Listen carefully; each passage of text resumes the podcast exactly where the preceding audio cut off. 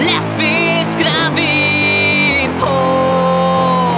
En gravidpodd med lesbiska tendenser. Hej och välkommen till Lesbisk gravidpods Corona-avsnitt. Nej, jag skojar bara. Det är inget coronaavsnitt, men Corona kommer nämnas några gånger och dagens ämne kan ju vara något som intresserar ännu fler just på grund av Corona. Och det är hemförlossningar. Men innan vi börjar prata om hemförlossningar så ska jag säga två saker. En sak som jag är väldigt glad över och det är sak 1. Nämligen att detta avsnitt är sponsrat av Darling Eco, en butik på nätet som bara har varor som är ekologiska och giftfria på riktigt. Det stannar liksom inte vid att en ingrediens i något är ekologisk, så därför så kan varan kallas ekologisk och de säljer det. Som fallet är för många andra. Nej, Darling Eco kollar upp allt ordentligt och hos dem så hittar du bara produkter som är 100% giftfria och ekologiska. Darling Ecos filosofi är att göra Sveriges barn lite friskare och Sveriges föräldrar lite mer medvetna. Hos Darling Eco hittar du leksaker, barnkläder, köksprodukter, hygienprodukter och mycket mer. För många av de gifterna vi får i oss idag är via de produkterna vi använder i vår vardag. Och barn, de tar upp gifterna mycket lättare än oss vuxna eftersom deras hud är tunnare och deras kroppar inte är fullt utvecklade, bland annat. På Darling Ecos hemsida hittar du mycket mer fakta om varför det är så viktigt att använda giftfria produkter och många tips om hur du kan gå tillväga för att inte utsätta dig och ditt barn för så många gifter. Så gå in på darlingeko.se och läs på. Just nu och fram till den 15 maj får du dessutom som lesbisk gravidpodd-lyssnare 10% på hela sortimentet hos Darling Eco när du anger koden DARLING 10 i kassan. Så in och fyll dig med fakta och shoppa loss! Sak 2, inte alls lika kul. Den är coronig. Och det är såklart jättemånga grupper som är utsatta just nu i samhället, men en grupp som jag också tänker på är alla ni som har påbörjat er resa till barn med IVF eller inseminationer på klinik och nu måste ta en paus med det. Och er som precis skulle börja men nu får skjuta på det på obestämd tid. För har man tagit steget och börjat, eller till att precis börja, så är jag fullt medveten om hur det upptar typ alla ens tankar. Och så gör omständigheten att man inte kan fortsätta just nu, på grund av inreseförbud i Danmark eller att fertilitetsbehandlingar får pausa av annan anledning. Hade inte styrkekramar varit typ världens tuntigaste uttryck så hade jag skickat massa styrkekramar till er nu. Nu får jag istället bara säga att jag tänker på er och jag förstår att ord som att saker händer av en anledning och den som väntar på något gott inte kanske riktigt kan tas emot just nu. Gravidpodd. Men okej, över till hemförlossningar. Varför väljer man att föda hemma? Vad är fördelarna med hemmaförlossning och finns det någon nackdel? Kan man få bedövning när man föder hemma? Och hur gör man egentligen när man tummer en förlossningspool? Ja, nu ska jag svara på de frågorna. Nej, jag skojar. Det ska jag såklart inte. Jag har ju med mig experter på detta. Nämligen Jenny som har fött och kommer föda hemma snart igen. Och Johanna som är barnmorska som jobbar mycket med hemförlossningar. Och ja, det är den Johanna som ni snart kommer höra Jenny prata om. Att föda hemma naturligt var ju något jag funderade lite på också. I direkt anslutning då till att jag slutade fundera på att eh, föda nedsövd och med kejsarsnitt. Nu blev det ju inte så, utan någon form av mellanting med en vaginal födsel bedövad på sjukhus. Men efter att ha pratat med Jenny och Johanna så känns dock hemmaförlossning som ett helt ypperligt alternativ. Nog sagt om det nu, för här kommer istället Jenny. Och Jennys ljud blir bättre en liten bit in i intervjun kan tilläggas. Jag, jag hörs ju dock som vanligt, skriker jag alltid kan man ju fråga sig. Och ja, jag gör nog det. Jag är extremt störig, men eh, sådan är jag. Okej, över till Jenny. Hej Jenny och välkommen till Lesbisk gravidpodd. Hej! Du har ju tre barn och väntar ditt fjärde. Och ett av de barnen har du fött hemma och du planerar nu att föda det barnet som du är gravid med hemma. Hur kommer det sig att du väljer det igen? Det var ju en, en fråga som jag klurat på länge därför att det var, alltså det är ju väldigt självklart någonstans. Men samtidigt också inte självklart för att det är en ekonomisk fråga att eh, föda hemma. Därför var det lite så här, eh, hur ska vi göra? Ska vi göra det här? Eller, och så vidare. Men till slut bestämde vi oss att nej, men vi gör det. Och jag ringde till eh, barnmorsketeamet i Göteborg som är de som nu driver hemförlossningar eller vad man ska säga då här i trakterna där vi bor. Och då så pratade jag med eh, Johanna Cederbom, heter hon, jättetrevlig. Och hon berättade hur de tänkte och hur de funkar. Och hon hade jobbat tillsammans med den eh, personen som var hembarnmorska på min förra förlossning också då. Så att eh, Ah. det blev väldigt så naturligt också att det föll sig och sen så bara bestämde vi det och att vi gör det helt enkelt. Ja. Det, var, det var en väldigt bra upplevelse förra gången. Så att, och det är väl kanske snarare så här att jag vill inte föda på sjukhus och då är alternativet föda hemma. Så att eh, det blir så då. Ja, precis, det är det det- liksom. Du faller på det. Men Ja. hur, hur tänkte du då inför den första gången? Vad var det som fick dig att ta steget att föda hemma då? Ja, nej men det var väl, vad ska man säga, för det första så är jag uppvuxen med eh, massa djur. Jag har haft katter och hundar och råttor och marsvin och hamstrar och allt möjligt som har fått bebisar. Och då har jag liksom varit med på de här förlossningarna och hur det har varit. Och det har varit mycket så här, min mamma var väldigt noga med att man fick inte ha hem kompisar veckorna innan. Framförallt när det gällde valpar och det skulle vara mörkt och nersläckt och man skulle prata tyst och när, när liksom honan valpade liksom så var det också väldigt mycket hands off på. Det var väldigt häftigt att vara med i de processerna så för mig var det väldigt så här, det kom med mig i, i mig själv att jag alltid hade en väldigt positiv bild av födandet och förlossning och kände liksom att när jag själv sen då var mitt första barn så var jag väldigt så här, taggad till att föda barn och inte den här Ja, men det, det finns ju en liten allmän, som att man eh, i samhället nästan hjärntvätt av att föda barn är någonting som man ska vara rädd för. Det är någonting som är väldigt smärtsamt och att det filmas liksom ganska hysteriskt på film. Så blir det väldigt, ja, men man ligger på rygg och skriker och vattnet går och blodet sprutar. Så kanske inte alltid är då, men, men det är väldigt så här, så här hysteriskt liksom.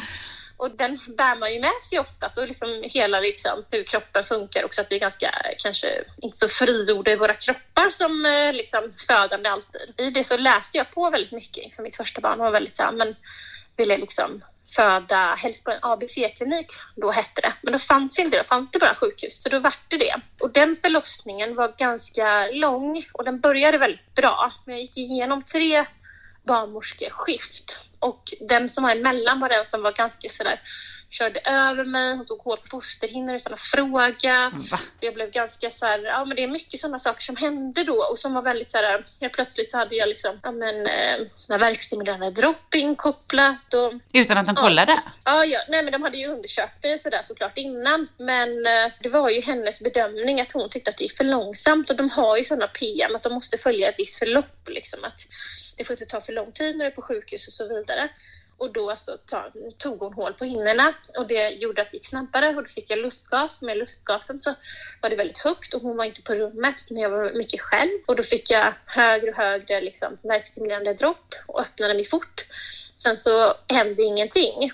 Och eh, så var det under lång tid. Vilket, och det var mycket liksom, jag var väldigt borta i huvudet. Och hela den här upplevelsen gjorde att jag fick liksom, ja, men, väldigt mycket känslor efteråt som var väldigt, så här, jag hade svårt för gynekologiska undersökningar.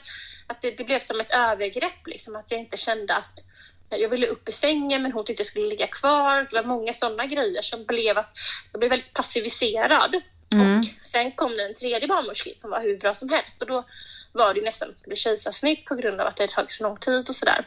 Ah. Men hon var jättebra på att se till att liksom, jag kunde krysta ut henne, den eh, äldsta dottern. Då. Eh, Men efter det så vart jag väldigt såhär, när jag blev senare gravid igen så blev jag så att jag ville helst föda hemma. Jag vill föda på mina egna villkor. Jag vill inte att den här eh, interventionkaskaden som man kan säga skedde. Det ville jag undvika. Så att då började jag kolla upp alternativen och då hade jag inte pengar och kände nej, det går inte. Så då hade jag med mig doula på förlossningen och det var en jättebra förlossning och gick väldigt snabbt väl inne på sjukhusförlossningen. Mm. Och de barnmorskorna var helt fenomenala och väldigt stöttande. Men då när jag, födde, när jag skulle föda tredje gången kände jag att nej, nu får det liksom bli en hemförlossning. Och då hade även min mamma dött och då hade jag fått ett litet arv från henne Ah. som jag kunde använda och betala den här summan. Därför blev det hemförlossning den gången. Och sen denna gången så känns det så självklart och naturligt. Det var väl det som gjorde att, liksom, ja, men att jag har känt att hemförlossning är det som, som är för mig. För att Mm. liksom alla de här interventionskaskaderna och just att få föda på sina egna villkor. Att man känner sig stärkt i sig själv. Liksom. Därför att du behöver inte ta dig till sjukhuset. Du- Du är ju hemma på din plats och i din trygga vrå. Du behöver inte träffa nya människor. Du behöver liksom inte... Ja, men du när du kommer till sjukhus så träffar du ju nya människor. Du är ju människor som du inte vet hur de tänker kring förlossning. Om de tänker på samma sätt som en själv. Hur de är emot din partner eller med en själv. Och att det finns ju olika där. Du har ju alltid rätt att byta ut. Det i sig kan ju också stoppa upp förlossningen och själva förlossningsförloppet. Att du måste ta de här besluten, du måste tänka på det här, du måste känna det här, du måste bedöma. Du har ett rum också som du ska känna in som du aldrig varit i innan och, och känna liksom att du är trygg. Och alla de här grejerna de påverkar ju också förlossningsförloppet, alla hormonerna som, som är i kroppen. Och, och när du är hemma så behöver du inte förflytta dig. Det är också mycket, jag kommer tillbaka till det här med, med djur ska du inte förflytta in innan de ska föda ett antal veckor innan. Men eh, när, när människa ska föda, då ska vi liksom flytta precis mitt i själva förlossningen. Så det Till är en helt främmande plats. Ja, precis. Plus att det också är barnmorskor som du inte känner och inte vet och det är människor och, och att de sen i sin tur kan bytas ut mitt i dessutom. Och det kan ju bli jättebra, men det är ju just att du vet ju inte hur det blir. Så det är väl för, har väl varit för mig ett sätt att också känna att jag kan kontrollera det jag kan kontrollera och att det känns som att det blir på mina villkor, att inte jag hamnar i den här passiva. För det är ju en auktoritetsroll sinsemellan som man är patient och en, en barnmorska. Liksom, du är på sjukhus och det blir lätt att även om, om man inte vill att det ska vara så och hur bra barnmorskan har så är det ganska lätt att det kan hamna i att man vill vara lite duktiga, duktiga flickan så att man ska liksom följa deras. De tar ju deras CTG-kurvan, de gör ju de här undersökningarna och allting och det jättebra att de följer allt det här och gör det. Men för mig var det att jag hellre ville slippa de bitarna. Men vad är då allra bäst med att föda hemma? Det bästa det är väl det här med att det är på ens egna villkor helt enkelt. Mm. Att det, du är på din egna mark. Liksom. De kommer hem till dig. och Du är hemma och du kan liksom förbereda allt så som du vill. Du behöver liksom inte tänka på vad kommer hända sig, vad kommer hända då. Utan du är liksom där du känner dig som mest trygg. Så det är ju liksom en, en väldigt gynnsam miljö. Det finns ju en anledning för måste, många gånger att vi liksom, som födande kanske är hemma och så kommer det igång och sen åker man in för att det. Det beror ju också mycket på de här processerna som störs liksom. Och det gör det ju inte på samma sätt om du är hemma. Sen kan det ju också stanna av i och med att det kommer folk och att man kan hamna i andra situationer i att man att man kanske vill liksom serva sin gäst, att att man hamnar i de sakerna, då får man ju jobba med det själv då. Men eh, annars så är det är på din egen mark och att du känner de här barnmorskorna. Och de kommer också finnas, du får ju två barnmorskor då, Ja. och de kommer också finnas för dig genom hela förlossningen. Så de kommer inte bytas ut, utan det är ju de som är. Från att du ringer dit dem så är ju de där, om du vill att de ska vara hela tiden, så är de där hela tiden tills bebisen har kommit ut och moderkakan har kommit ut och ett tag därefter och kollar. Och så, ja, det är väl det som är det absolut bästa, att man inte behöver, och de behöver ju inte heller fokusera på flera olika. Liksom att, ja, men du vet, du ska ställa in dig i, i ett rum där du träffar en födande och den konstellationen, om det är en partner eller om den har någon doula eller om den är en stödperson eller om den är själv eller så vidare. Mm. Och särskilt i dessa tider med covid-19 liksom, så är det väl så är det verkligen en fördel att föda hemma kan jag känna. Eftersom att Ja. man slipper åka dit och så är det liksom det finns inga risker. Det finns inte att det är någon som är sjuk liksom, på sjukhuset. Utan, eller här hemma då. Det är ju det, att man slipper det. Och sen att de här barnmorskorna, de är ju väldigt trygga liksom, med en fysiologisk förlossning. Alltså, det vill säga att du inte har medicinsk smärtlindring och att du liksom föder av din egna liksom, kraften, om man ska säga. Det är, inte, det är ingen verkstimulerande dropp och sådana saker. De är ganska trygga med att det kan ta lång tid. De behöver inte följa de här PM som man har på sjukhus. Och det tycker jag är skönt att, att slippa. Och sen maskiner som piper och stör och sådana saker som man kanske inte tänker på medvetet men Nej. som omedvetet också kan gå Det är väl det är ju att det är ganska lättare att stänga in något rum liksom om man som i vårt fall då med min sambo liksom att vi kan stänga in oss och vara själva liksom och känna oss trygga och så vet vi att de är precis utanför om det är så. Och man har ju valt de här människorna, att de ska vara med. Sen är det väl efteråt, så framför allt, så är det väl allt det här med att du har din egna dusch, din egna toalett, din egna Ja. säng. Eh, Du får sova tillsammans med nykläckta lilla bebisen och din partner och alla de bitarna jättepositiva. Ja, det blir som att man äger hela situationen lite mer kanske. Ja, men precis. Och det, det kan man ju åstadkomma på sjukhus också Mm. på olika sätt. Men eh, jag kan köra på hemförlossning så är det ju inte lika mycket jobb och det är inte lika många saker som man, vad ska man säga, gamblar med. Det är inte så att jag, då, jag vet vilka barn som kommer komma hem hit. Det vet jag inte på sjukhus. Det blir lite, okej, kommer det bli bra eller inte? Kommer det vara någon som känner på det sättet som jag önskar, som stöttar liksom? Mm. Det sättet att föda på. Precis som du säger, man blir mer aktiv. Det blir ju också mer naturligt att du, du har liksom ingen sjukhussäng som du ska ligga upp och bli undersökt utan du liksom, blir liksom, du får anpassa dig efter hemmet liksom. Hur är det förresten med eh, just men medicinsk eh, bedövning? Finns det möjlighet till det när man föder hemma? Tar de med någonting typ utifall Mm. att? Eller? eh, Nej, de kan ju inte det i och med att med all liksom, medicinsk smärtlindring, eller de har ju en kan man säga då, om jag minns rätt nu.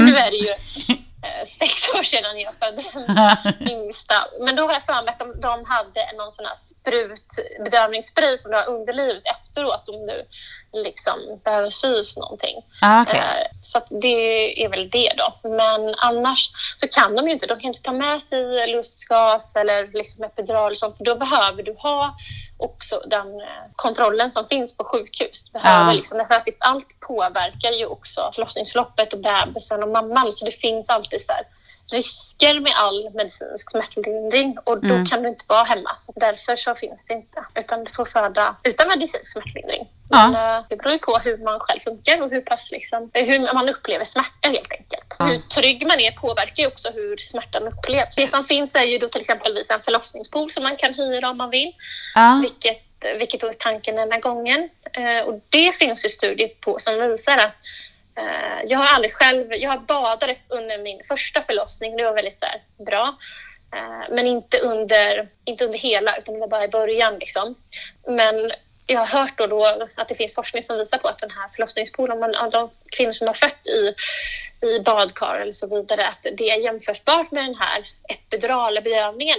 Mm. Men eh, jag vet som sagt inte. Nej, nej. Men det ska i alla fall vara väldigt, väldigt gynnsamt. Så, att, eh, ja, men, så det kommer vi ha med, en förlossningspool. Ja. Och sen är väl mitt så här, absolut bästa tips som jag alltid har haft som var från eh, första förlossningen så är det så här, eh, vetekudde, att värma vetekudde och ha på. Det har alltid funkat eh, väldigt, väldigt bra för mig. Så det, det kanske du känner igen också. Ja, men det värme, var liksom. typ det bästa under verkarbetet hemma, eh, tycker jag. Ja, ja, det är ju kan- helt fantastiskt. Sen kan du duscha och du kan ju ta pan, vad heter det, Panodil. Ja, men precis. Ta en liten Alvedon bara. Men precis. Men, men jag vet inte om det kan vara så att man kan få sterila kvaddlar. Men jag är inte säker. Jag har aldrig tagit det heller. Ja, det verkar Det inte jättekul. Nej, nej, precis. Men det ska tydligen vara väldigt effektivt. Men jag har ingen aning. Men eh, får fråga. Vi ska ju ha möte med dem eh, nästa vecka. Så då ska vi, tänker jag att då kan man fråga de sakerna. Finns det liksom någon nackdel som du tycker med att eh, föda hemma jämfört med att föda på sjukhus? Ja, det är väl att det kostar pengar. Mm. Det kan man ju tycka liksom att, ja men vadå, man köper kanske en, många köper en dyr vagn eller sjal eller sele eller man köper allt möjligt till den här bebisen som kostar rätt mycket pengar och hur kan du inte liksom tycka att det är värt det? Och det tycker jag att det är värt. Men däremot så är det så att vi betalar faktiskt skatt i Sverige för att kunna få föda, Ja. eh, att få förlossningen bekostad inom sjukvården. Eh, Så att vi har ju egentligen betalt det redan, men då ska man betala det igen. Så det är ju egentligen en rättighet man har. Mm. Och mm, om man tittar på forskning så är det ju faktiskt till och med säkrare för en omföderska utan riskfaktorer. Då är det faktiskt säkrare att föda hemma i och med att när du föder på sjukhus så finns det, ja men allting, det ena leder till det andra. Så därför så, så borde det egentligen vara en rättighet som alla som vill föda hemma har rätt till. Ja. Eh, också får som, det var ju så i Stockholm ett tag, men sen drog de tillbaka det. Jag vet inte hur det är exakt nu, men nej, men det tycker jag verkligen också. Det är jättekonstigt. Men vad, vad kostar det liksom? Vad betalar man? Ja, det, när jag födde mitt första barn, eller första, första barn hemma som jag födde då, tredje barn, eh, då kostade det 22 000 och då, då var det med några andra som, som nu inte längre jobbar aktivt. Och nu så har de ett annat upplägg, de som jobbar i barnmorsketeamet i Göteborg. Man kan gå in på deras hemsida och titta, men då har de någon som, som någon slags startavgift Mm. eh, på 3 500 och då ingår det liksom vissa saker i den här startavgiften. Och om man vill veta mer får man gå in på sidan för jag kan inte exakt hur det Nej, nej. Men eh, sen är det 950 kronor plus milersättning så beroende på hur långt man behöver ta sig då som det kostar per timme. Så det beror Ah, på hur, stressigt. hur länge du... Ja, precis. Det, kan ju, det, kan, det finns ju kanske nog en nackdel att det kan bli att man upplever en stress av att det kostar pengar hela tiden. Men eh, det får man ju bedöma själv liksom, hur, man, hur man känner. Det är också kanske en fördel då om man föder snabbt. Ja, men precis. om, de, om, de, om du känner att du klarar dig länge och så kommer de att du eh, liksom, så kommer de i slutet så blir det inte lika eh, dyrt heller. Så det är lite sådär eh, mer en flexibel summa utefter vad nuläget. Så vi vet inte exakt. Men Man får reda på det efteråt sen Ja. då. Men för, för det tänkte jag ju också på liksom hur, men hur man går tillväga. När ringer man dem liksom? Kan man göra så till exempel då att ah, ja, men jag känner att jag vill spara in lite pengar.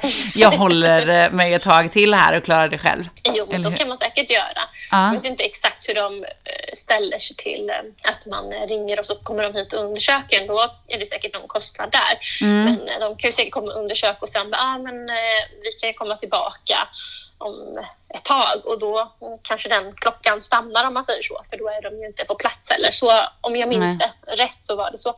Så att då kan man ju liksom klara sig själv längre. Men sen så är det ju så liksom att jag tror att man känner väl ganska bra liksom att okej, men nu börjar det bli, eller det är lätt att säga det, men andra barnet var inte så för mig, men eh, det, man får nog gå lite på känsla liksom, att ungefär hur brukar man funka liksom och um, när känns det som att smärtan eller att det börjar kännas så pass intensivt att man börjar känna att nu är det nog väldigt mycket på gång liksom. Då får man ju ringa dem och så får de komma liksom. Men eh, jag kan väl tänka att i mitt fall så kommer det nog snarare vara så att det tyvärr blir så att man ringer lite senare än man borde.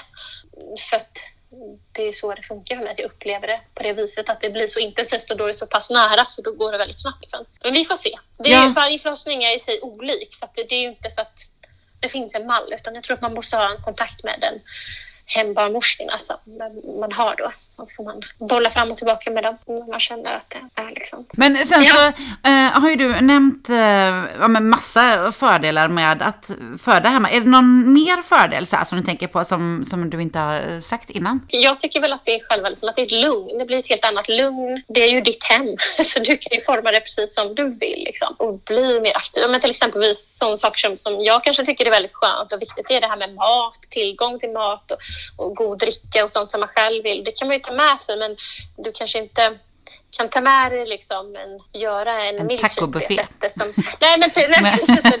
och sen efteråt liksom när du är på BB och så vidare så är du ju liksom också ganska påverkad av andra. Även om man kan hitta sin bubbla så blir det ju ändå det här. Du går ut och äter eller hämtar mat där ute bland dem och det kommer in lite liksom barnmorskor och det är lite olika personer som bara knackar på dörren och kommer in och så vidare. Så själva eftervården, det kan jag tycka är skönt att inte ha det så utan det är väldigt lugnt och tryggt. Men det betyder ju också att man behöver känna sig ganska trygg i sig själv i att det känns bra.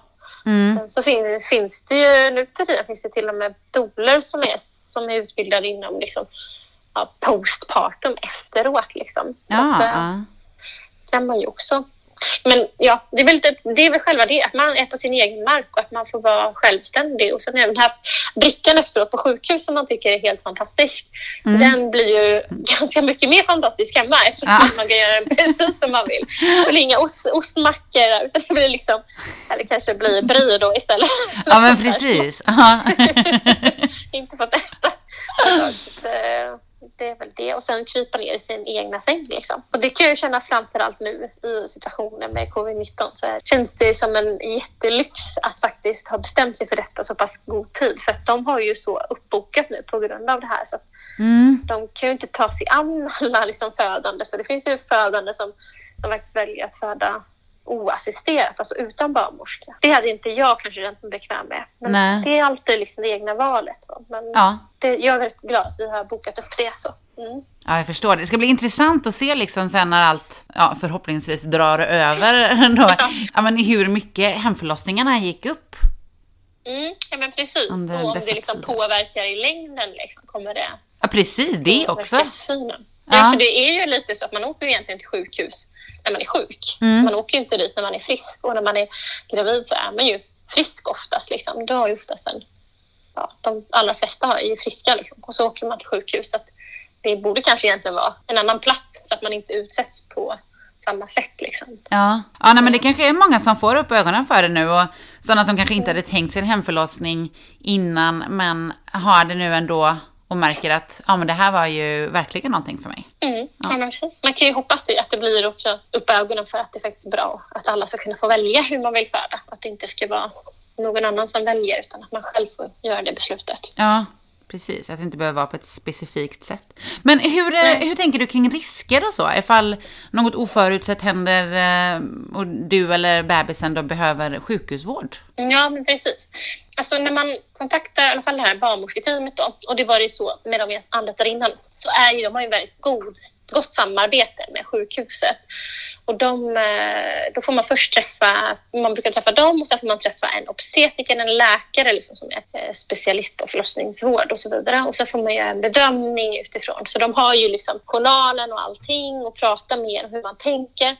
Och då är det liksom en riskbedömning där och hur de ser på det. Och sist när jag var på ett sådant samtal så sa den här eh, läkaren då att ja, men jag bor så pass nära liksom, sjukhuset överhuvudtaget så det tar lika lång Ah. tid för dem att ställa i ordning till liksom, operationssal eller vad det nu behövs som Mm. det tar eh, för mig att ta mig härifrån dit. Ah, Okej, Med ja, det är liksom- praktiskt. Ja, så, så det är inte liksom... Det, och sen så är det väl att ha någon bedömning på 40 minuter ifrån sjukhus. Tror jag det att man, ska, Mm. att man ska inte ha längre än det. Det är ju väldigt bra. Och sen så finns det ju risker, men de riskerna finns ju likväl på sjukhus. Det är bara att man inte får reda på dem. Och det är ja, bland annat om att det kan bli en blödning. Och då har de liksom metoder som de använder sig av som är väldigt effektiva. De har också även medicin för att stoppa blödningar. Mm. Och de har eh, ja, men sett eh, hur de gör. Och det får man väl kolla upp mer med dem om man vill ha mer ingående. För jag är Ja. ingen expert på. Men, eh, och sen så är det också att bebisen kan ju, men jag tror att det kan, vara att det fastnar någonting med axeln eller någonting.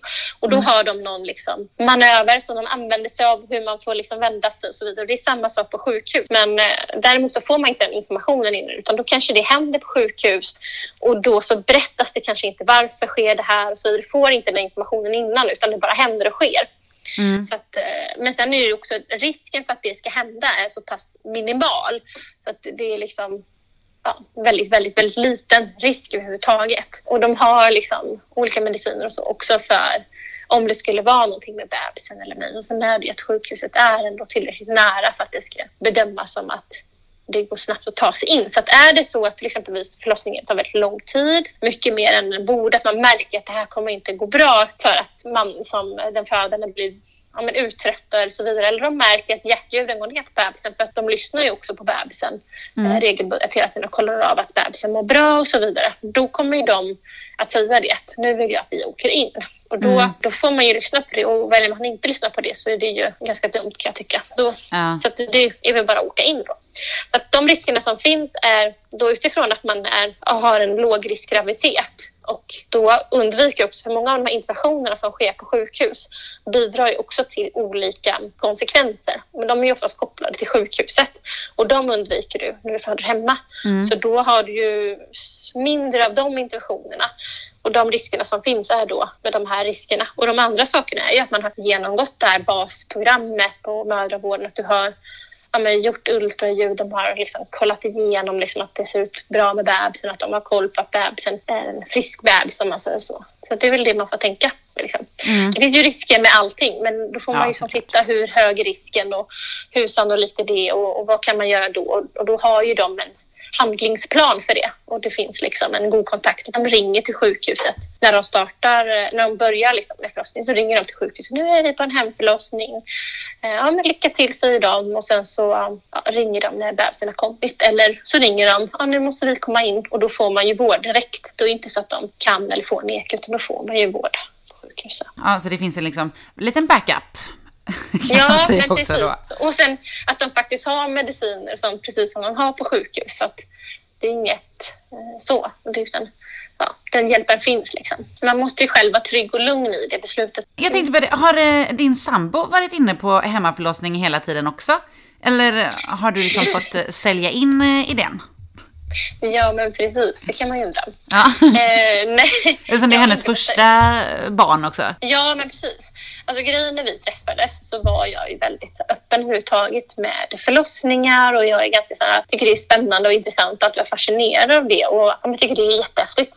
Och, och då skulle hon vara med på sin systers förlossning. Mm. Eh, Då pratade vi rätt mycket om detta. Liksom. Hon skulle vara ett stöd där och då pratade vi jättemycket om förlossningar och, och så vidare kring det och visade bilder också från min hemförlossning. Så hon var väldigt redan så här, äh, införstådd i hur, hur jag tänkte kring det och var väl väldigt så här, ja, men redan innan vi startade vår resa med att göra vår lilla bebis så, så var hon på den banan. Hon är väl den som varit ganska mycket mer drivande och positiv, särskilt den ekonomiska biten. Som bara, men jag tycker vi ska göra det här. Hon har varit jättepositiv och är väldigt så här, ja, men stöttande i liksom, och tilltro till att det går bra liksom, och att det känns tryggt och att hon känner sig mer trygg i att jag känner mig trygg och att vi är på ett ställe med barnmorskor som hon har träffat innan och, och så vidare. Så att, eh, hon har inte behövt överleva någonting. Det har verkligen bara glidit på där. Hon har varit så positiv och, och stöttande och tycker att det ska bli jättehäftigt att få vara med om, eh, om en hemförlossning också.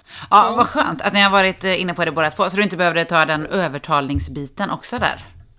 Nej men precis, det är ju det. Men det, det har jag också alltid känt mig så här ganska provocerad av. Nu är ju inte jag varken barnmorska eller doula så att jag kan ju verkligen uttala mig som födande i detta. Jag tycker att det liksom är en feministisk fråga just det här med att föda barn. Att det är ju den som ska föda eh, som faktiskt ska, själv ska få besluta och välja. Och sen kan man såklart ha oro att man kan väcka det och så vidare men det är faktiskt den som ska föda som det handlar om. Och att det är ju jag som ska föda ut det här barnet om det liksom pratar om vaginal förlossning Ja. eh, eller ett kejsarsnitt exempelvis så är det ju den personen som ska utsättas så det är ju lite den som måste kunna få välja själv över sin egna kropp än att någon annan ska fatta de besluten. Det tycker jag blir ganska, det blir, där får man jobba med sina egna känslor och behov tror jag och så får man läsa på. Om man har en oro kring liksom, hemförlossning exempelvis eller kejsarsnitt eller vad det nu kan vara, då får man läsa på liksom den. Men man, jag tycker inte man ska kunna vara den som bestämmer på något vis eller påverka så pass mycket att den andra får stå tillbaka. För jag tycker att det är den som, som, ska ha ont och som ska genomgå det som ska få välja själv faktiskt. Ja, ja, jag håller helt med dig. Men eh, hur har det då gått tillväga liksom när man lämnar beskedet om att man vill ha en hemmaförlossning till vården? Ja, Vem säger får- man det till? Ja, precis.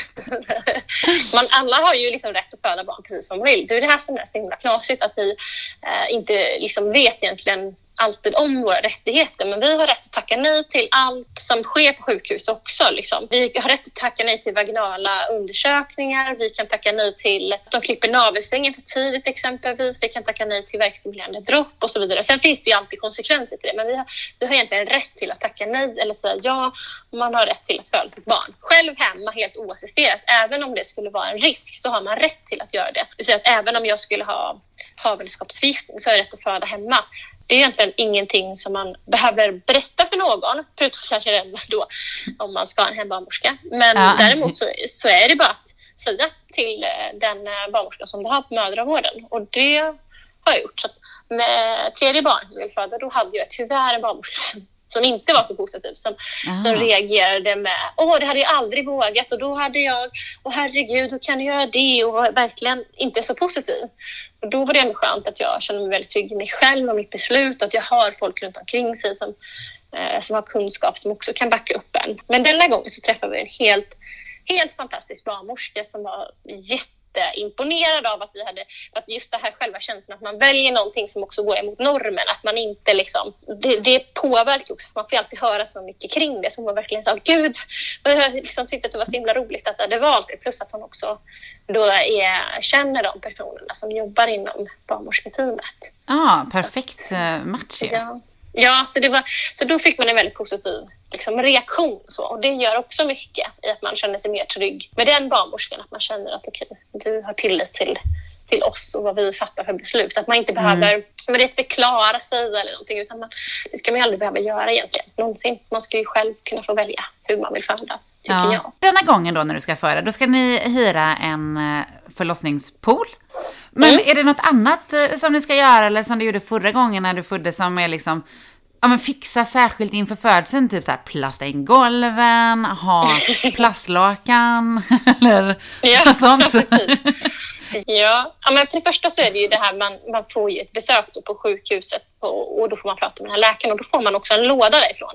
Mm. Från förlossningen får man gå upp och hämta den. Då är det liksom med, med lite allt möjligt. Och nu är det ett tag så jag minns inte men det var, det var jag antar att det var de här du vet, tyg, eh, nättrosorna, lite Mm. binder, lite sån här skydd och sånt. Eh, och sen också en jag, får, jag är också RH-negativ, så vilket betyder att jag får en spruta efteråt direkt att Aha. inte Ja. skapa någon immunisering mot, ja, hur som helst. Men, men då får man en kit med det, så det får man ju hem. Och sen eh, så är det då en eh, pool som vi har tänkt och sen så får man ju ja, men skaffa lite skydd liksom. Men som du sa, lite så här plastad frotté har vi och om vi har köpt sån här um, men som du kan köpa på, när du köper blöjor så finns det sån här skydd för barn som kissar i sängen eller så vidare. Ja. Sådana skydd har vi också. Så man tänkte, då får man lägga ut det lite beroende på vad man är. För det är oftast när det blir lite mer, vad ska man säga, att man läcker det om vattnet går eller att liksom när bebisen väl har kommit ut, liksom, då blir det lite mer blod och slem och sådär. Mm. Innan så är det väl inte riktigt lika mycket, men då tänker jag att då kommer vi lägga ut det där jag positionerar mig, om man säger så. Ja. Om det är så efteråt, om det är att ligga i soffan eller i sängen eller vad det är. Men eh, det är att skaffa till exempelvis lakan eller påslakan, att man kan köpa det begagnat, sånt som man, som man vet gör ingenting om det blir Men det kommer lite blod på och så. Så kan Mm. man tvätta det innan och sådär. Man tar inte Eh, favoritlakanen. Nej, det skulle inte jag göra i alla fall. Man brukar säga att det är bra handdukar hemma och sen eh, ljus, massa ljus. Ja, men allt sånt som man kan göra också här på sjukhus liksom egentligen. Att, att släcka ner, få det dovt och liksom eh, ja, men sen är väl efteråt och eftervården är väl också att liksom ha binder och sånt hemma. Även om man får några från förlossningen så är det bra att ha det hemma och, och lite sådana här äh, saker inför amningen. Som Mm. bra. Så det är väl bara att tänka på. Och blöjor får man ju köpa då. det Ja. man inte tänka på. Så det får man ju köpa hem och sådana grejer. Och sen är det väl annars mat, att man ser till att man har lastat upp liksom frysen och kylen och, och har sina favoritmaträtter som är snälla mot magen och så också. Så mycket att dricka. Mm. Gud vad skönt att bara, liksom inte bara ha en liten väska med sig med typ favoritdricka utan kunna ha hela köket fyllt. Ja, precis. Så det är väl det som är min, min önskan är ju jordgubbar, för jag älskar jordgubbar. Så, Ah. så hoppas jag minsann att de har kommit och att eh, bli matad av det och liksom få vattenmelon och jordgubbar under själva förlossningen och bara Ja. ja, men som du säger, man kan verkligen få sin, det absolut man älskar. Liksom. Och, ja, det är Ja. väldigt lätt till hands allting. Praktiskt. Ja, ja men det är det ju.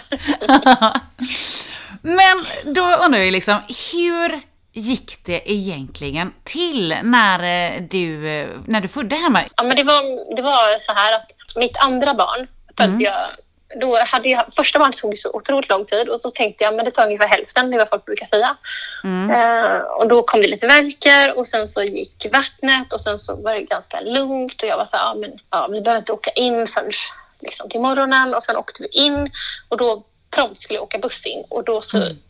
liksom, var det mer intensivt så när jag kom fram så tog det en timme. Och då kände jag den här gången, tredje gången, att ja, jag kanske behöver fundera lite på den här smärtan. Hur, hur liksom nära inpå är det och hur snabbt går det då? Ja. Så då var jag lite mer så här, så då vaknade jag kanske fem på morgonen någonting och då hade jag haft lite så här molande mensvärk bara. Och så kom det lite, lite blod sådär. Och sen då tänkte jag, okej men nu är det nog på gång. Så då eh, ringde jag till eh, dolan som skulle vara med och eh, barnmorskorna och berättade det men att det fortfarande var lugnt så de visste att det var på gång. Och sen hade jag lite så, det var ju på midsommarafton så att ehm, jag var ganska envis som jag alltid har varit och tänkte nu åker vi till ett slott och firar så här, midsommar. Gunnebo slott heter det. där, där satt vi och så sprang barnen runt och jag skulle äta mina jordgubbar och, och hade verkar och dansa runt stången. Men väldigt så här, ganska små verkar. Sen så hemåt och sen så behövde jag vila lite och sen efter det så vart det väl lite mer. Och då efter ett tag så, så ringde jag hit barnmorskan och de så kom de. Och då märkte de ju också att efter det, då blev det, för en del av det här med förlossning är ju också att om man upplever att man blir lite eh, betraktad eller att man liksom blir tittad på, så att säga. då känns det nästan som att man ska prestera och då, då blev det väl lite att det avtog lite. Mm. Plus att jag hade barnen hemma. Eh, Ja. Vi hade ingen som kunde ta hand om dem och det i sig var ju också en lite omedvetet tror jag, att jag inte riktigt kunde slappna av. Ja. Så att när de sen somnade, det är ungefär 12 eller någonting, så då hade det ändå varit, men det var väldigt så här lugnt. Jag studsade på en sån här studsboll, så här pilatesboll och, och så började vi tända ljus och drog ner gardiner och liksom fick det lite mörkt och så. Och så tog jag, så tyckte barnmorskan att jag skulle ta en dusch och då gjorde jag det och då drog det till.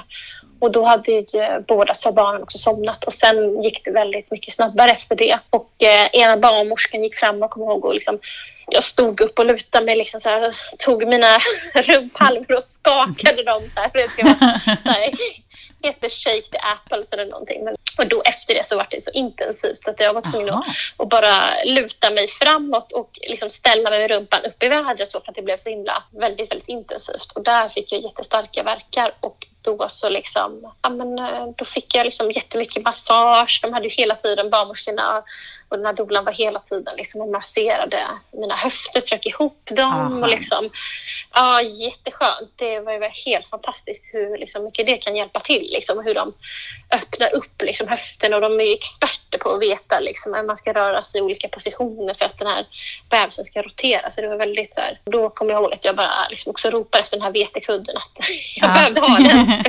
Lägg den i ryggen liksom. Och sen, så, nej, men sen var det väl där och de var ju jättestöttande liksom. Som de, som de allra, allra flesta är liksom alltid där och väldigt så men det går bra och liksom att man kommer till den här fasen och då vet man ju oftast om också att när det känns som att nu vill jag bara gå härifrån. Mm. eh, Då, då kommer ju bebisen när som helst. Då är det dumt att gå. Nej, skojar. Ja, det, det går ju inte riktigt. Nej. Ja.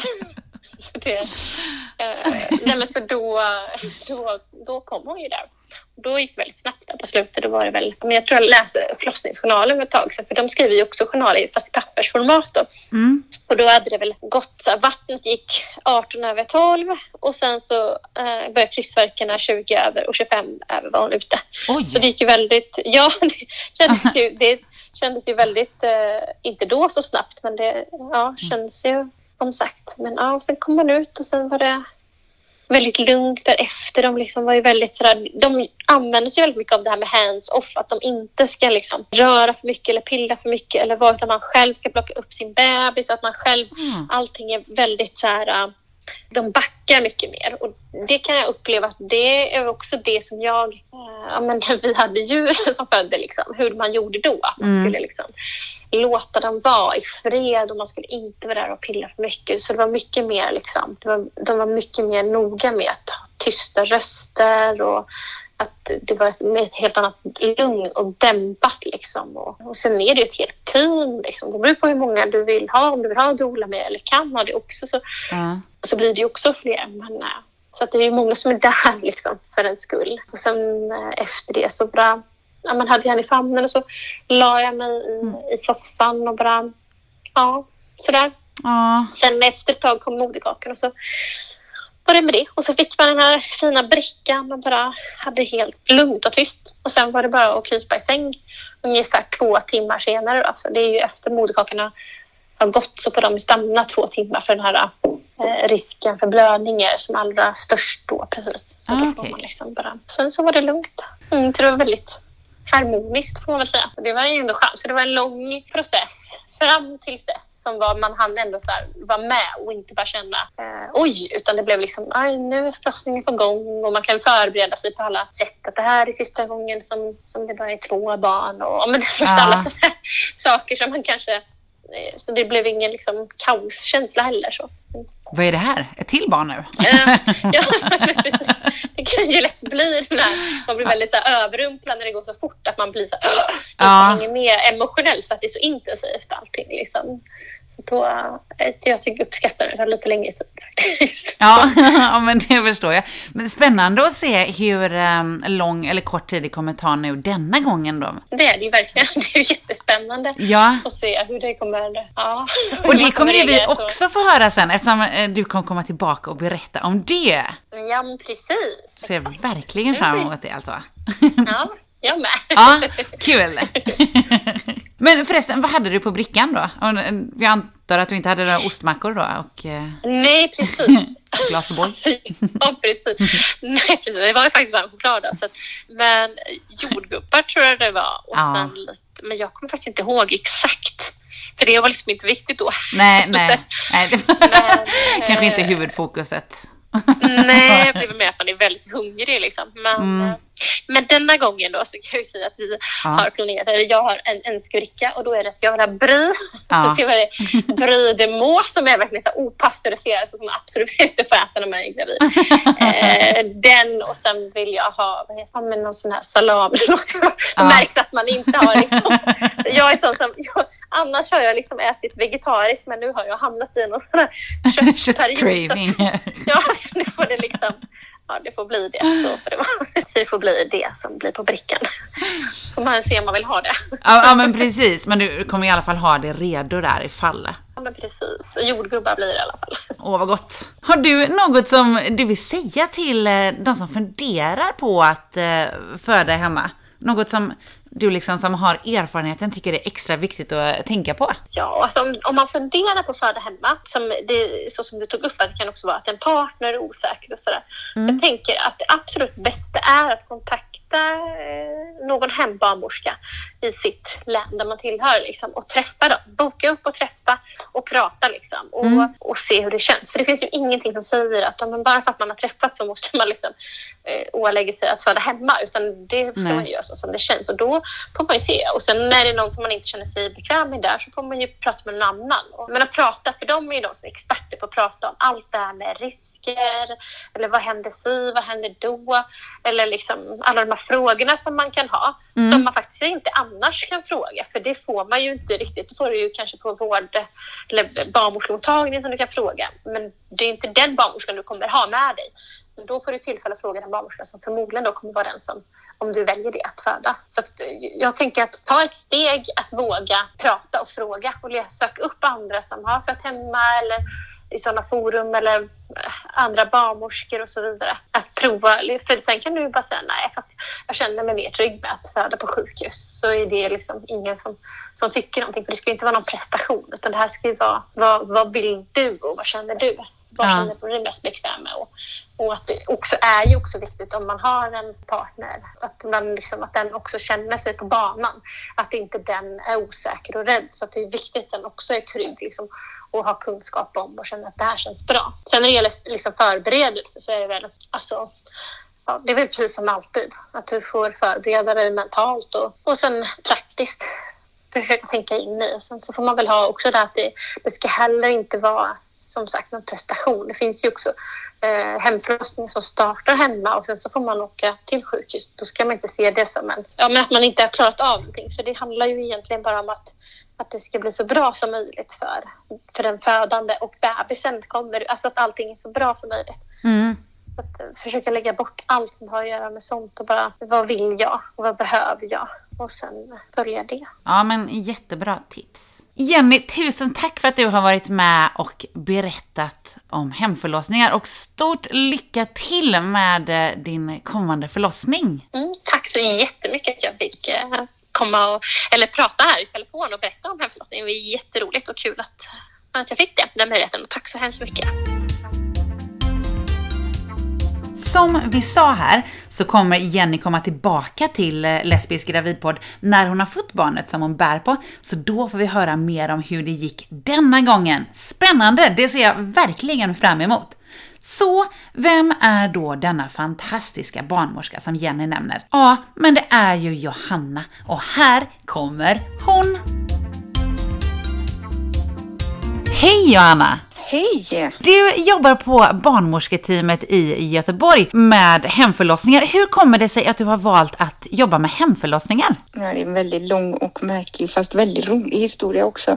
Jag jobbade i hemsjukvården faktiskt och eh, när jag som ung sjuksköterska var ny så jobbade jag ute på öarna och där ville man känna den som vårdade en. Så det var väldigt viktigt att man hade en relation och för mig blev det väldigt, väldigt fint för då jobbade jag med att hjälpa många i livets slutskede och sen insåg jag att det finns ingen värdigare vård än jag som vårdar är betjänt egentligen i deras hem. Och sen när jag gick barnmorskeutbildningen så träffade jag min kursledare, alltså som, som var ansvarig för utbildningen, Eva-Maria Wassberg och då fick jag börja följa med henne på hemförlossningar redan under barnmorskeutbildningen. Då var jag ju sjuksköterska och jobbat i hemvården i många år och akutsjukvården och fick se en hemfödsel och det var ju något helt annat än på sjukhus. Att en kvinna själv hade valt vilka hon skulle ha med sig, var hon skulle föda och på vilket sätt. Så vi ingrep ju inte om vi inte behövde, utan vi bara stöttade. Och det är absolut det som barnmorskeri handlar om. Det är inte akutsjukvård, utan det är att stödja den normala fysiologiska processen. Men hur upplever du liksom skillnaden mellan hemförlossningar och de som sker på sjukhus? Det låter ju som att det är en väldigt stor skillnad. Det är en jättestor skillnad och jag eh, det är svårt att jämföra utan att det blir som det ena skulle vara bättre än det andra. För det, mm. eh, vi behöver sjukhus för att eh, 20 procent ungefär av de som föder har ju inte, de ska inte föda hemma för i Sverige idag så kan alla bli gravida och du kan, eh, även om du har ganska svåra grundsjukdomar eller andra förutsättningar som gör att du kanske skulle vara en riskgrupp när du föder så får du lov att föda i Sverige idag och vara gravid. Det är ingen som begränsar det idag förr så var det inte så utan då kunde man avråda folk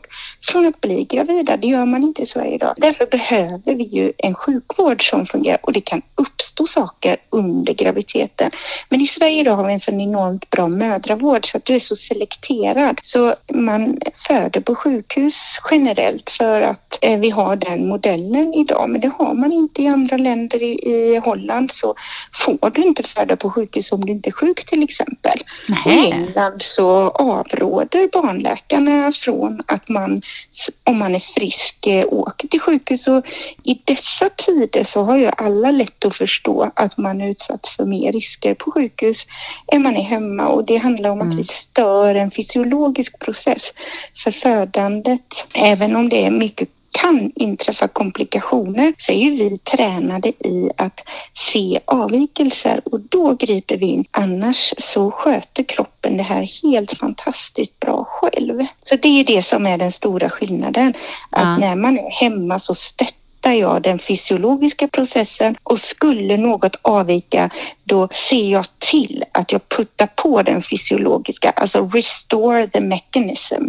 Om det är så att det har hakat sig i den fysiologiska processen då kan jag vara där och peta till lite så att det hamnar på rätt köl igen och går fysiologiskt. Men eh, i Holland, när man inte får föda på sjukhus, om man inte är mm. sjuk, är det bara hemförlossningar där då? Eh, nej, de har ju hälften av alla som eh, föder är hemförlossningar. Annars så okay. kan man få föda på sjukhus om man till exempel har högt blodtryck eller diabetes eller om eh, det har varit en sån långdragen förlossning så att man behöver en ryggbedövning. Men annars så föder du hemma för att du är inte sjuk, då ska du inte utnyttja sjukvården utan de har ett väl utbyggt system att du träffar din barnmorsketeam innan och så sen så när det är dags att föda så hör du av dig och så finns det hjälpkvinnor och dolor som kommer hem och hjälper till och barnmorskor som korrigerar och lyssnar på fosterljuden och finns till och, och, och hjälper till under födseln och efteråt. Så där är ju det det normala, att du föder hemma. Ja. Och även i Tyskland så är det alldeles normalt att föda hemma för att då förstår man att det är mindre som avviker för att allting handlar ju om att stötta födslohormonet oxytocin. Det är ju det som ger verkar. Har du bra verkar så föder du tryggt och säkert. Ja. Men allting som vi gör på sjukhus det stör ju processen och eh, då eh, lägger verkarna av kan man säga och då får man eh, fabricera verkar. Det är då det kan trixa till sig och då behöver du ju självklart mer övervakning och så vidare. Mm. Eh, hemma så lyssnar vi ju på fosterljud och följer förloppet med undersökningar från utsidan eller eh, från insidan om mamman så önskar. Då. Mm. Ja, så det blir lite av en ond cirkel där vid eh, sjukhusfödsel, Mm, liksom, ja, att det ena det leder till det andra. Och... Interventionskaskad. Ja. Alltså att du gör en åtgärd och så bara för att du gjorde den så måste du göra nästa. Det klassiska är ju att ja, men vi har lite dåligt tålamod för Mm. att en, en förlossning när du startar, när du är hemma så åker du in när du är öppen 3-4 centimeter. Då är det meningen att det ska stanna av. För att om du flyr ifrån något då ska du inte föda barn utan fysiologiskt så är det så att när du ska föda så ska du vara på en lugn och trygg och gärna lite mörk plats där du bara helt kan fokusera på ditt födande. Och om du då du börjar räkna, du sätter på en app och så räknar du hur långt det är mellan verkar. Ja, nu ska jag åka in till sjukhus enligt protokollet eller nu måste jag åka in för att jag är inte säker på att få en plats annars. Det är ju ett stort problem vi har i Mm. vår region i alla fall. Och då förflyttar man sig och då slutar verkarna. Och det kan ta en dag, det kan ta en timme innan de kommer tillbaka.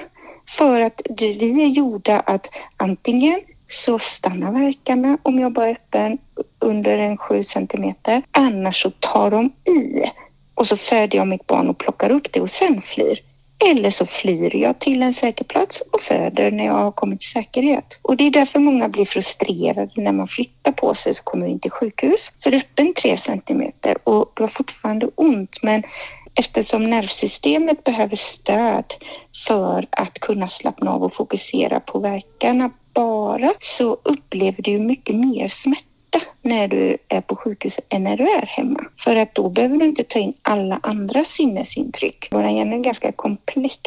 Så det är, eh, då börjar man kanske att ta vattnet då. Man tycker att men nu har, eh, om man är på sjukhus så, så det här förlossningen tar för lång tid.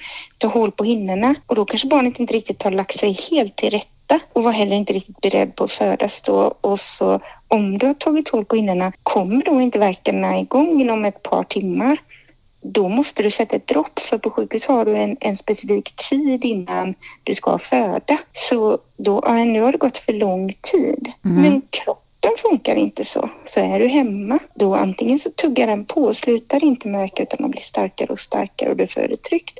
Vi har också tid att vänta. För det, det ska ta tid att föda barn. Du kan inte gå hela den här vandringen i ett svep. Men det ska du göra på sjukhus. Du måste följa ett protokoll. Det ska ta en, en speciell tid. Men mår mor och bra, barn bra så behöver det inte ha några tidsaspekter. Utan då kan man gå en liten bit med verkar och så stannar kroppen, vilar, mamman hinner äta och sova lite. Vi kanske också lägger oss och sover en stund och sen tar det i igen. Men det får inte hända så på sjukhus. Då måste man sätta dropp och då sätter du dropp och då kanske det blir doser som blir för höga eftersom det är så oerhört individuellt. Barnet mår inte bra och då måste det ut snabbt. Det kan bli en, en akut sugklocka eller kejsarsnitt. Så det händer inte varje gång. Men det är inte ovanligt. Nej. Och det är de riskerna man utsätter sig för när man föder på sjukhus jämfört med hemma. För hemma gör vi inga interventioner. Utan gör vi någonting så är det att återställa mekanismen och det kan vara till exempel att barnet ligger i en bjudning med huvudet som inte är helt optimal. Då jobbar vi, och det gör man på sjukhus också, de är jätteduktiga på det där med. Men då jobbar man att eh, positionera bäckenet på ett särskilt sätt så att du får barnet att rotera. Men nu har ju du sagt, eller alltså jag har ju hört väldigt många fördelar här. Men Mm. finns det några fler fördelar som du kan se med att föda hemma och finns det någon nackdel? Den största risken med att föda hemma det är ju att du får en oerhört eh, stärkande upplevelse. Ja, det låter För- jobbigt. Eh, ja. och, och det är ju för att eh, du går ju in i det okända och så, så tvivlar man på om man ska klara det eller inte. och med lite stöd och rätt stöd så klarar du det. Och det är en helt obetalbar upplevelse att ha trott sig klara men kanske inte varit helt säker på att man kommer göra det. Den naturliga rädslan alla känner inför det okända att gå in i barnafödande, Mm. förlossningsarbete. Och när du är där och sen har lyckats och det blir, du lyfter upp ditt barn och tar det till bröstet den segerkänslan är ju samma känsla som när du springer i målet och tränat för ett maraton i flera år. Eller en stor, stor, eh, när du tar studenten, det är också en sån livshändelse. Eller tar examen och du har gjort något som är riktigt, riktigt utmanande och du faktiskt klarade det. Ja. Den känslan är obetalbar och när du har då människor som älskar dig, din partner och flera andra. Det blir sån hormoninsöndring också när barnet är fött som inte är blockerat av bedövningar, EDA eller en miljö som din hjärna måste sortera. Är du då i ditt hem så blir upplevelsen total. Och det är väl den största risken med att föda hemma. Ja. Nackdelar med att föda hemma, det vet jag inte. Jo, det är väl att en del inte riktigt kan. Vi säger ju nej i barnmorsketeamet i alla fall när man har passerat 42 plus 0. Och då blir det ju inte riktigt som du har tänkt dig. Nej. Och det är inte det att våra föderskor har speciella, jättemycket speciella krav eller så. Utan då kan man bli ledsen att man får föda på sjukhus till exempel. Det blev inte som jag hade tänkt. Nej. Men det kan ju också vara att eh, i slutet av graviditeten får man ett högt blodtryck. Då är sjukhus den tryggaste platsen. Så det är det vi behöver titta på, att det ska vara ett selekterat material. För att man ska föda lugnt och fint och tryggt så ska man vara frisk. Alltså det kollas upp innan. Eh, Vi eh, bedömer ju det vi barnmorskor. Sen har vi ett jättegott samarbete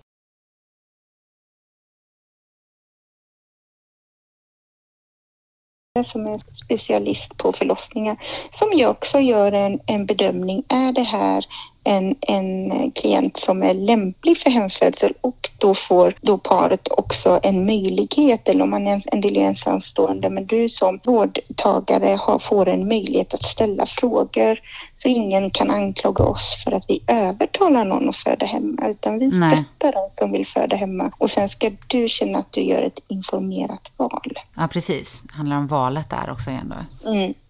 Men vilka brukar vara anledningarna till att folk väljer att föda hemma? Alltså eh, nummer ett anledning är just nu dessvärre att man känner att man blev lämnad på sjukhus. Och att de inte kände de som kom in och folk sprang in och ut. Verkarna slutade, för det ska de göra. För jag, om det är någon som sitter här och känner att sig misslyckad för de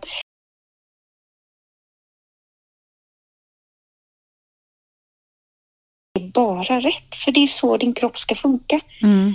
Däremot om man har haft snabba förlossningar, du har jättemycket oxytocin, då finns det inget som stoppar det och då går man ju in i en födobubbla, kroppen bara kör. Och det är ju så den också ska fungera då om man har förflyttat sig när man är öppen 8 centimeter ungefär, 7-8 om det går fort alltså på förlossningen. Då reagerar kroppen så att då föder du plockar upp ditt barn och sen flyr Ja. istället för att avta verkarna. Utan då tar de ofta i och då finns det inget som stoppar så då, då föder man bara liksom. Även var du än befinner dig. I bilen eller Tingstadtunneln eller hemma Mhm. eller på sjukhus. Så det, då jobbar bara kroppen på. Hur förbereder du dig som barnmorska inför en eh, hemmaförlossning? Hur gör man? Ringer den som ska föda eller dens partner eller någon oftast har annan? vi sms-kontakt och, och då är det ofta den som, som är bärare, som bär barnet, som, ring, liksom, som hör av sig eller skriver nu har slemproppen gått, bla bla bla, eller jag tycker jag känner lite molverk nu och så har vi lite sms-kontakt och då kanske inte jag åker till GK och storhandlar eh, utan då håller jag mig i området och så är det om jag är på mitt arbete eller någon av mina kollegor, vi är ju ganska många barnmorskor i barnmorsketeamet, Mm. Eh, Om vi är på vårt arbete då kollar vi upp vem är ledig idag och så vidare. Eller vi har ju digitala verktyg för det såklart. Men det är också bra för alla att veta om att nu är, har vi en föderska som är på gång här. Är det förstis, ommis, var bor hon och så vidare. Och eh, så skickar jag ut det till mina eh, kollegor och så ser vi vem som är tillgänglig och då kan vi andas ut. Men om ingen är tillgänglig just då, då får vi säga åt mamma nu får du vänta lite för att vi slutar inte förrän klockan fyra idag. Så då får du hålla igen. Och då gör de det. Ja. Så, då väntar de tills vi är klara eh, för jobbet den dagen. Det händer inte så ofta men det har hänt. Och då föder de när vi kan och eh, då åker vi dit. Men eh, det är ofta föregår det av lite sms-kontakt i några dagar och man kanske kommer och gör hem, en kontroll hemma om de vill det. Eh, annars så, så är det ofta så att sen när då mamman som bär eh, hör av sig så går det några timmar och väck, kanske jag väcks på natten. Då är det partnern. Nu vill vi att du kommer för nu är, hon brak igång här. Så ser det oftast ut. Men sen, du sa ju att eh, ni gör inga inventioner, men ifall det är någon som då ska föda som bara känner att nej, men det här funkar inte, jag måste ha någon form av bedövning. Har ni med er någon bedövning? Medicinsk eller Eh, annan? Eller? Det är ofta en, eh, en av orsakerna till man väljer att föda hemma för att man inte vill ha bedövning. Ta med Ja. oss eh, bedövning som vi ger efteråt när vi kontrollerar bristning. Så, så att i, när barnet är ute och då ger vi ju bedövning innan vi undersöker för bristning. Och det är ju en av anledningarna till att man föder hemma också, att du har mycket mindre bristningar för att du har bättre kontroll på ditt underliv. Och vi jobbar ju lite annorlunda. Så, men om man... kryssning så. Nej, nej, just det. Men om man då skulle liksom önska någon form av icke-medicinsk bedövning, då kan man ju själv fixa innan med ja, men akupunktur eller Ja, vetekudd, det har vi med oss. TNS och Ja, ja. Ja. Sterila kvaddlar, akupunktur och Ja, eh, man kan ha en tensapparat hemma. Den är ju fantastiskt fin. Men sen många väljer ju att vara i vatten och det är ju, eh, huden är vårt största organ så det nervsystemet fungerar ju så att när du stimulerar huden så går det väldigt, väldigt snabbt signalerna till hjärnan. Varav de inre smärtsignalerna som kommer från livmodern och livmodertappen som håller på att öppna sig, den smärtan den blir inte lika påtaglig. Och i det här så är smärtan är ju din bästa vän. Och ju mer oxytocin du har, så starkare blir verkan. Men det är ju det mammorna också upplever när de är hemma eftersom du, alla andra sinnen är vana vid dina intryck som du har i ditt hem. Alltså det luktar likadant, du ser samma grejer. Människorna som kommer in behöver du inte göra en bedömning om de är, är goda eller onda. Nej. Det här låter ju primitivt men när man föder och vi är primitiva varelser. Så fort någon Mm. kommer in i ett rum vi inte känner så gör vi en bedömning. Är det här ett hot eller en vän? Mm. Det är ganska jobbigt att vara födande och det kommer någon bara knacka på dörren. För då behöver du använda ditt sinne till det som annars används till att mot, alltså hålla eh, stången emot verken, alltså stå ut under verken. Ja. Alltså stå kvar och åka med. Du behöver, alltså ditt nervsystem blir inte så ockuperat av andra grejer vilket gör att du känner mindre smärta. Just det, man Det slipper det här är inte osmärtsamt. Hem, våra hemmamammor säger också jag dör nu, nu går det inte mer. Och då kanske partnern blir orolig och så tittar på oss och då säger vi nu är det nära. Ja. Då kör vi lite till. Tror du det är vanligare förresten att eh, vara i vatten eller föda i vatten vid hemförlossningar än vid sjukhusförlossningar? Ja, och det är ju för att eh, det inte finns så många pooler på sjukhus. Så det är egentligen en organisatorisk fråga. Skulle vi ha pool på sjukhus så skulle det vara lika vanligt. För det eh, älskar vi ju att ha tillgång till vatten även på sjukhus. Ja, jag själv blev ju erbjuden ett eh, inplastat badkar i ett hörn när jag skulle föda. Så jag Ja, valde då att inte förstår jag föda i vart du vatten. var någonstans. Ja. det är inte så trevligt. Nej, bara det är det lite ändå. Men, Ja. men eh, då kommer ju liksom den här eh, frågan.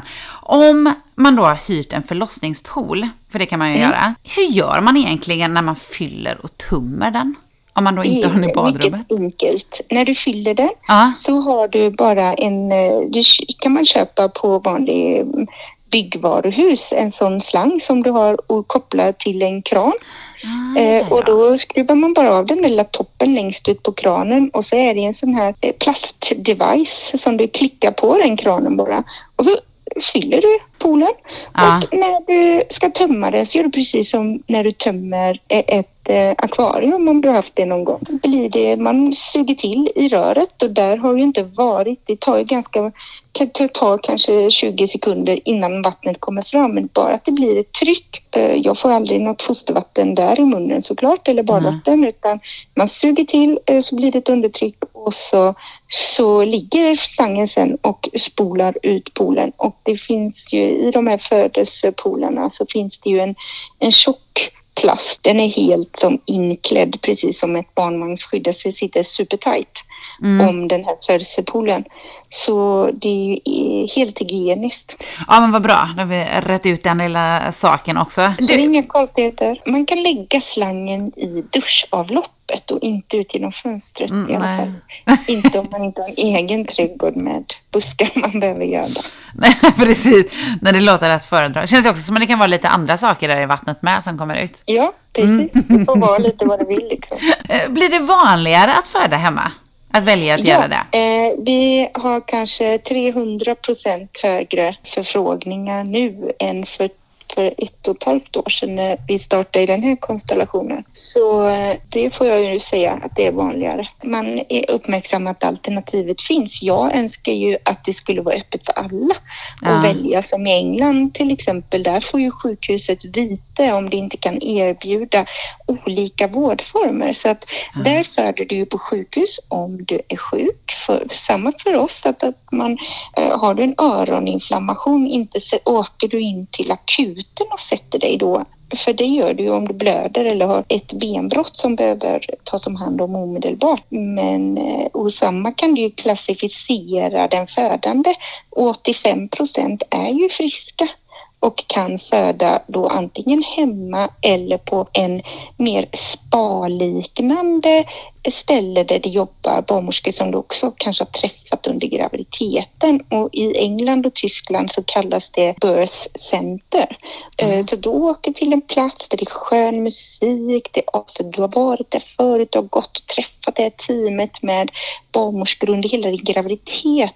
Så när du kommer dit så är det en plats som din hjärna inte behöver sortera intryck. Mm. Och det finns sköna pooler, fina stora dubbelsingar med riktiga lakan och inte bara plastunderlägg. Du blir behandlad som den drottning du ska vara när du föder.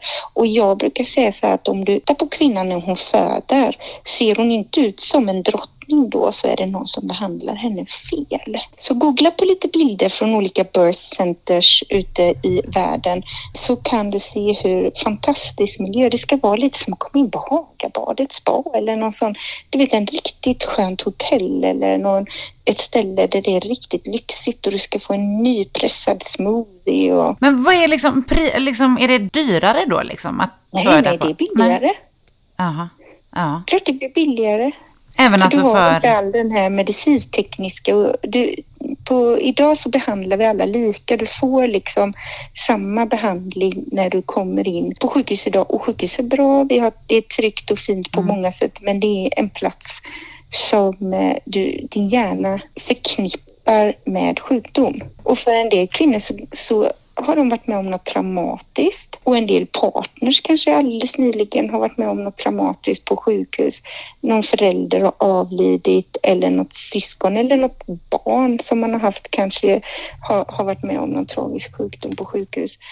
Men det, dessvärre så just nu så får vi höra en del traumatiska historier hur utsatt man har blivit i förlossningsvården och när du föder så är du väldigt, väldigt fogelig och det är det som oxytocinet ska göra med dig. Så ditt hjärta kanske säger nej, nej, nej. Jag vill inte det här. Jag vill inte lägga mig ner i benstöd. Men din hjärna och din mun, den vågar inte säga ifrån. Så att man känner inte för... Alla kanske har menat väl som har vårdat, men de har inte känt dig.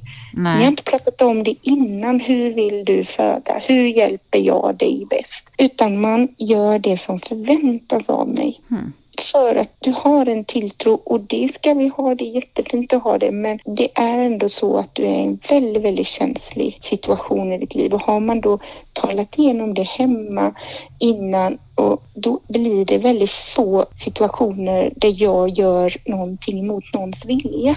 Men det hinner jag ju inte lära känna någon. Vi är experter på det ändå, vi som jobbar i vården, att speeddejta de som kommer in. Men om du har ett barnmorskebyte till exempel och du är öppen 8 centimeter, det är inte så fördelaktigt. Eller mitt när du håller på i din krystsituation. Nej, det säger ju sig självt liksom. Ja. Ja. Så, och, och då är det klart att vi, jag har också gjort det. Jag är ingen perfekt barnmorska om någon trodde det. Absolut inte. Jag är inte bättre än någon annan på något sätt. Gör inte mer än någon annan barnmorska. Jag är full av beundran för mina kollegor på sjukhuset för de lyckas skapa det här miljön trygg för jättemånga kvinnor trots att de har så pass dåliga förutsättningar och det är ju ett stort shout-out till dem. Men eh, Eh, det är mycket, mycket lättare när man har träffats och känner varandra innan. Så just nu så många som väljer att föda hemma upplever att de blev ifrågasatta på sjukhus och de blev lämnade. Och det är nog den största anledningen just nu och att de är oroliga för att partnern inte ska få vara med och dolan ska få vara med och att Ja. de inte ska få plats då man går en hel graviditet och oroar sig på finns det plats när jag ska föda? Och, och rädsla och oro är ju den största antagonisten till oxytocin vilket gör att då får du ju kaffeverkar. Och även att man inte vill ha, eftersom EDA är en fin bedövning om det inte går framåt.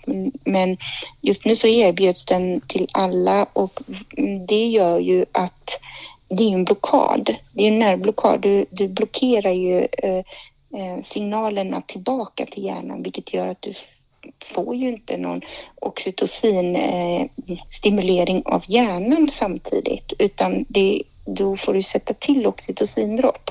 Och, då tycker ju många att förlossningen stannar av, vilket den gör då. Man, Nu Ja. jämför man bara, kan man, man har gjort jämförande studier, men, och då visar de att det är marginellt medan många kvinnor upplever ju att det gör det och när du pratar om det fysiologiskt så förstår du ju vad som händer. Att den stannar upp och att den bedövar, det är ju det den är till för. Den bedövar eh, musklerna i insidan av bäckenet så barnet inte roterar som det ska och du blir mindre mobil. Du lägger dig ner också för har du ont och är hemma då är det rörelse och det är det du ska vara när du föder. Men många säger åh vad gött nu kan jag slappna av och lägga mig ner. Mm. Och oxytocinet har ju den fantastiska effekten också att den suddar ut onda minnen i efterhand. Så två veckor efterhand så kan man uppleva oj jag har lite minnesluckor här och där och del Mm. tror att oj att det är något fel på mig. Nej, det är rätt. För det är oxytocinet, det suddar ut dåliga minnen. Annars skulle vi inte göra om det. För det gör ju faktiskt väldigt ont att föda. Men den smärtan bygger också en mamma.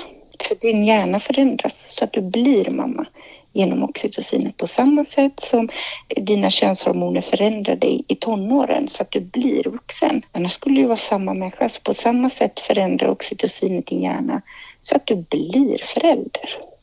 Det går man igenom ett till Exakt. hormontillskott. Så att man ska vara ganska snäll mot sig för samma förändring i stort sett som du går igenom i hela puberteten.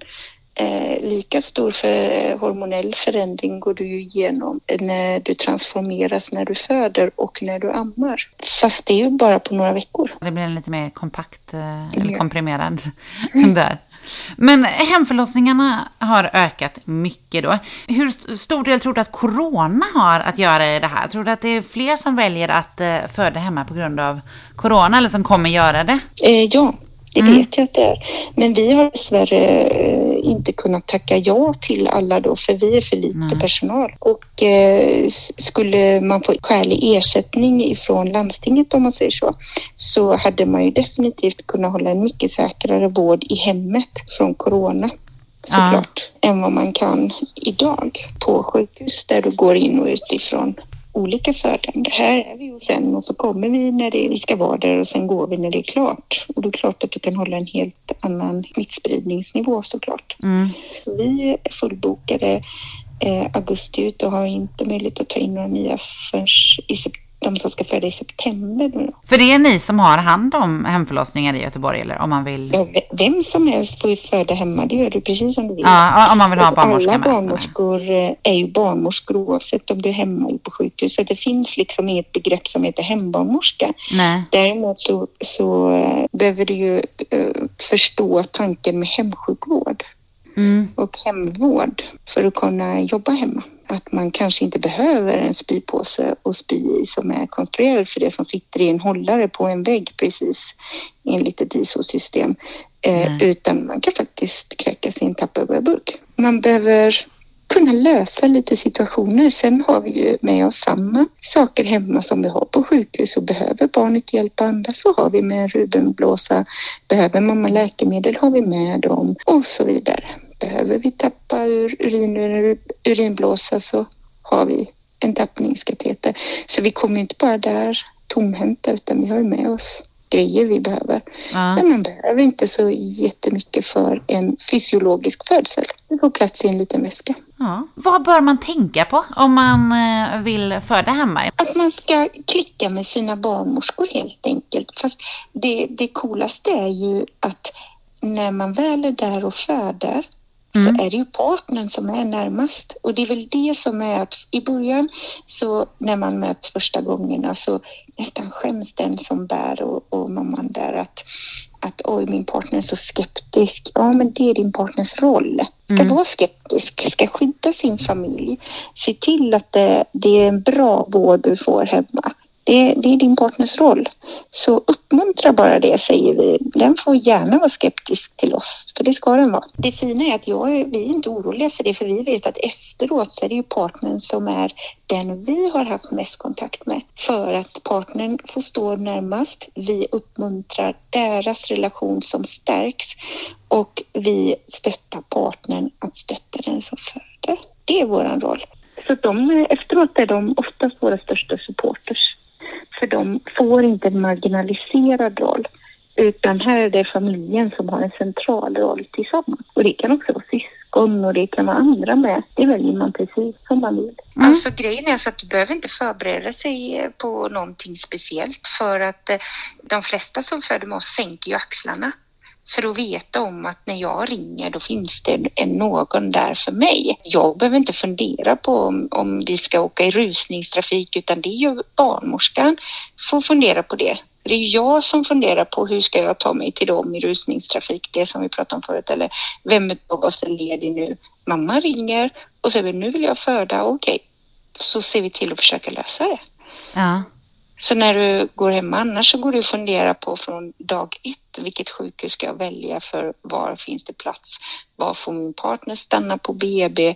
Och speciellt i den, dessa tider, finns det någonstans, kommer jag få mitt kejsarsnitt som de har lovat? Och så vidare och så vidare. De frågorna går ju inte våra föräldrar med överhuvudtaget utan de bara går och, och, och väntar på påverkar. ja, precis. Det är det de behöver tänka på. Ja, Tack så hemskt mycket Johanna för att du har svarat på de här frågorna. Ja, det var roligt. Jag hoppas att ni har fått något ut utav det här. Det finns ju hur mycket som helst att prata om i, i frågan. Ja men verkligen. Jag ja, skulle kunna tänka mig att fråga ungefär tusen frågor till men jag tror jag får stanna här just för denna gången i alla fall. Mm. Men tack att jag fick vara med. Hemmaförlossningar alltså. En sådan grej. Och Johanna, en sådan barnmorska. Detta är ju ett ämne som vi definitivt kommer att prata mer om här i podden. Inte minst då när Jenny kommer vara med igen. Just nu så får man själv bekosta sin hemmaförlossning i hela landet förutom i Umeå. Men vi får väl se hur den saken utvecklas nu med corona och allt. Jag tycker i alla fall definitivt att alla ska få göra valet att föda på sjukhus eller hemma själva utan att behöva betala massa pengar för det så att det slipper vara en eh, klassfråga. Men också birth centers som Johanna pratade om. Hur fantastiskt låter inte det? Jag skulle eventuellt vilja bo på ett sånt för alltid, även om just nu då inte det är ett alternativ. Vad tycker du om hemmaförlossningar? Är det något du undrar över runt det hela? Har du någon erfarenhet du vill dela med dig av? Dela jättegärna dina tankar på antingen Lesbisk gravidpods Instagram eller skicka ett mail till lesbiskgravidpodd@gmail.com så kan jag ju också då samla ihop det materialet till nästa gång vi pratar hemförlossningar här i podden och ja, se vilka frågor som finns och så. Den 3 maj var det regnbågsfamiljernas dag. En dag med många andra just nu som fick firas på kanske andra sätt än vad liksom var tänkt från början. Och jag hoppas att det nästa år går att fira i större skala och med spektakulära kalas, för det är ju en så himla fin dag. Ett litet avslutande råd på vägen. Kom ihåg att tvätta händerna ofta och tvätta dem bra. Med bra produkter alltså. För nu när du tvättar dem ofta, så var snäll både mot klimatet och mot händerna. Och använd därför en ekologisk och giftfri tvål och smörj efteråt in händerna med en salva utan massa skit i. Ekologiska och giftfria tvålar och salvor hittar du såklart hos Darling Eko. Har du redan använt massa starka tvålar och handsprit och nu har torra händer med sår och sprickor? Ja, då har Darling Eco många effektiva och sköna salvor och krämer för det. Och kom ihåg att använda rabattkoden DARLING10 i kassan för att få 10% rabatt. Spana in Darling Eco på Instagram för fler skonsamma tvätta händerna-tips. Tusen tack för att du har lyssnat på detta avsnitt av Lesbisk gravidpodd. Har du någon fråga? Vill du ha något sagt? Har du något önskemål? Eller vill du vara med i podden? Hör då av dig på lesbiskgravidpodd@gmail.com. Ha det bäst! Puss puss! Lesbisk gravidpodd